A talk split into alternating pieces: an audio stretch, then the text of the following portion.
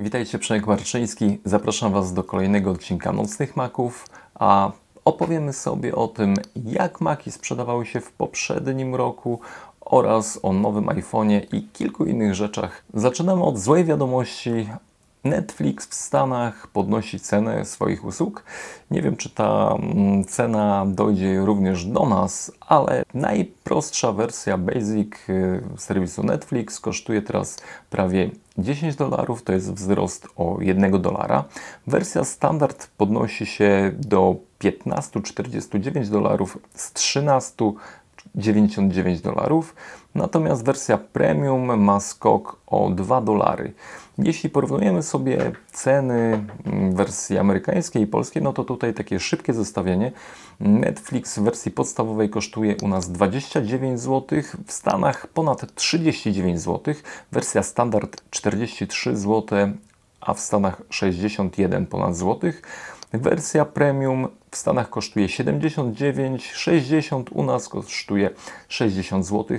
Także Netflix, gdyby miał chętkę podnieść cenę w Europie, w Polsce, no to miałby jeszcze z czego nas delikatnie mówiąc, oskubać. Pojawiają się nowe informacje na temat iPhone'a 14, który pojawi się w tym roku.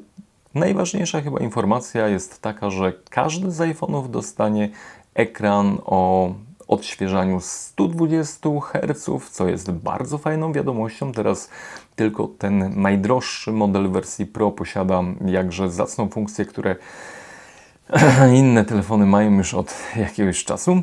Telefony konkurencji oczywiście. Wzrasta również ilość RAMu i tak iPhone powinien zaopatrzyć się w wersję 6 GB pamięci, chociaż pierwsze plotki mówiły o tym, że telefon ten będzie posiadał 8 GB RAMu, także informacja jest mocno płynna i może zmienić się w każdej chwili. To, co jest bardzo ciekawe, no, może zniknąć notch, ta plamka na górze ekranu. Mm, wiele osób już się do niej przyzwyczaiło, ale każdy wie, że jest to dość e, uciążliwe i dziwne rozwiązanie, które zostało wprowadzone przez Apple, a troszeczkę kopiowane przez innych producentów, chociaż nie wiem dlaczego. Y, które delikatnie mówiąc przeszkadza w y, oglądaniu chociażby filmów na pełnym ekranie. Także nowy iPhone 14 może okazać się, że pozbędzie się tej delikatnie mówiąc upierdliwości. Dodam tylko, że w marcu albo w kwietniu ma pojawić się nowa wersja iPhone'a SE już trzeciej edycji. Podobno wypłynęły jakieś rysunki CAD. Ten telefon ma teoretycznie nie zmienić się zbytnio od swojego poprzednika. Pewnie dostaniemy szybsze bebeszki, może lepszy ekran. Tutaj jest bardzo dużo niewiadomych, aczkolwiek pewne jest, że na przełomie marca i kwietnia coś nowego od Apple na pewno wpadnie nam w łapki. Zła informacja dla osób, które chciałyby przenieść się w wirtualny świat i to wirtualny świat od Apple, ponieważ ich wirtualne gogle zostały przeniesione na rok 2023.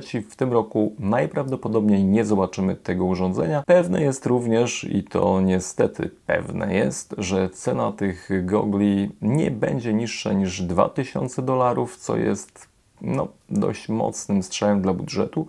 Jeśli to się potwierdzi, to zapewne w świat wirtualny przeniosą się jedynie wybrani użytkownicy. Dobre informacje ze świata komputerów, wszelakich komputerów PC, laptopów, komputerów stacjonarnych, ponieważ Apple uklasowało się na czwartej pozycji z dość poważnym wynikiem 29 milionów komputerów sprzedanych w 2021 roku. Co jest warte notowania, sprzedaży komputerów rok do roku wzrosło aż o 28%, co jest najlepszym wynikiem wśród całej stawki tutaj producentów sprzętu komputerowego. Na pierwszej pozycji znajduje się Lenovo, które dostarczyło nam 82 miliony komputerów, druga pozycja HP 74, następnie Dell 59 milionów komputerów. Ogólnie w roku 2021 na rynek zostało wprowadzone ponad 341 milionów komputerów osobistych. Jeśli jesteśmy już w statystykach i cyferkach sprzedażowych, to warto odnotować, że w 2021 roku firma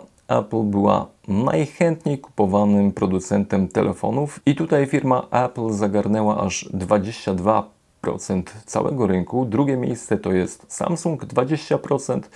Trzecia pozycja Xiaomi, czwarta firma Oppo. Po analizie firmy Canalys wydaje się, że iPhone delikatnie zwalnia, bo w roku 2020 miał aż 23% rynku, a Samsung, który goni iPhone'a, miał zaledwie 17%.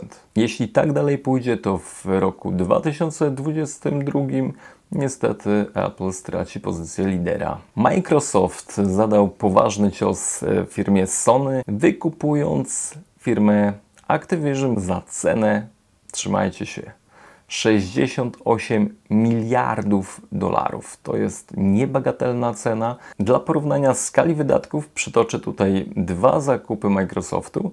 Skype został kupiony za cenę 8,5 miliarda dolarów, a dział mobilnych telefonów Nokia za 7,2 miliarda dolarów. Ten ruch firmy Microsoft wydaje się być bardzo dobrze przemyślany, ponieważ Xbox w tym momencie dostaje gigantycznego partnera, który będzie mógł tworzyć ekskluzywne tytuły na Xboxa. Jeśli jesteśmy już w świecie Microsoftu, to warto odnotować, że ostatnio pojawiła się aktualizacja pakietu Office, a w nim Excel dostaje wsparcie dla komputerów Apple z procesorem M1. Długo nam było czekać na to rozwiązanie, ponieważ jeśli dobrze kojarzę, Word dostał aktualizację rok temu na silikony, także w tym momencie wszystkie aplikacje od Microsoftu są w pełni kompatybilne z nowymi komputerami firmy Apple. A jeśli mówimy już o aktualizacjach do procesora M1, to warto odnotować drobny fakt, że Dropbox chyba najpopularniejsza usługa przechowywania danych w chmurze, która ma miliony użytkowników, również zwlekała z aktualizacją swojej aplikacji pod procesory M1 i dobra informacja jest taka, że właśnie wchodzi wersja beta, publiczna beta. Jeśli potrzebujecie skorzystać z, jeśli korzystacie w ogóle z rozwiązań Dropboxa, to koniecznie udajcie się na ich stronę i tam zapewne znajdziecie odpowiedni link do aplikacji w wersji testowej. Już kończąc podsumowanie technologicznych wydarzeń z ostatnich dni, puszczam Wam informację o tym, że na polskim Amazonie pojawił się wyjątkowy Kindle Oasis w cenie 1000 zł. Do tej pory nie był dostępny, także jeśli szukacie wyjątkowego czytnika e-booków, no to musicie zapoznać się z tą ofertą. Trzymajcie się ciepło, pozdrawiam, kłaniam się nisko, Przemek Marczyński i do usłyszenia.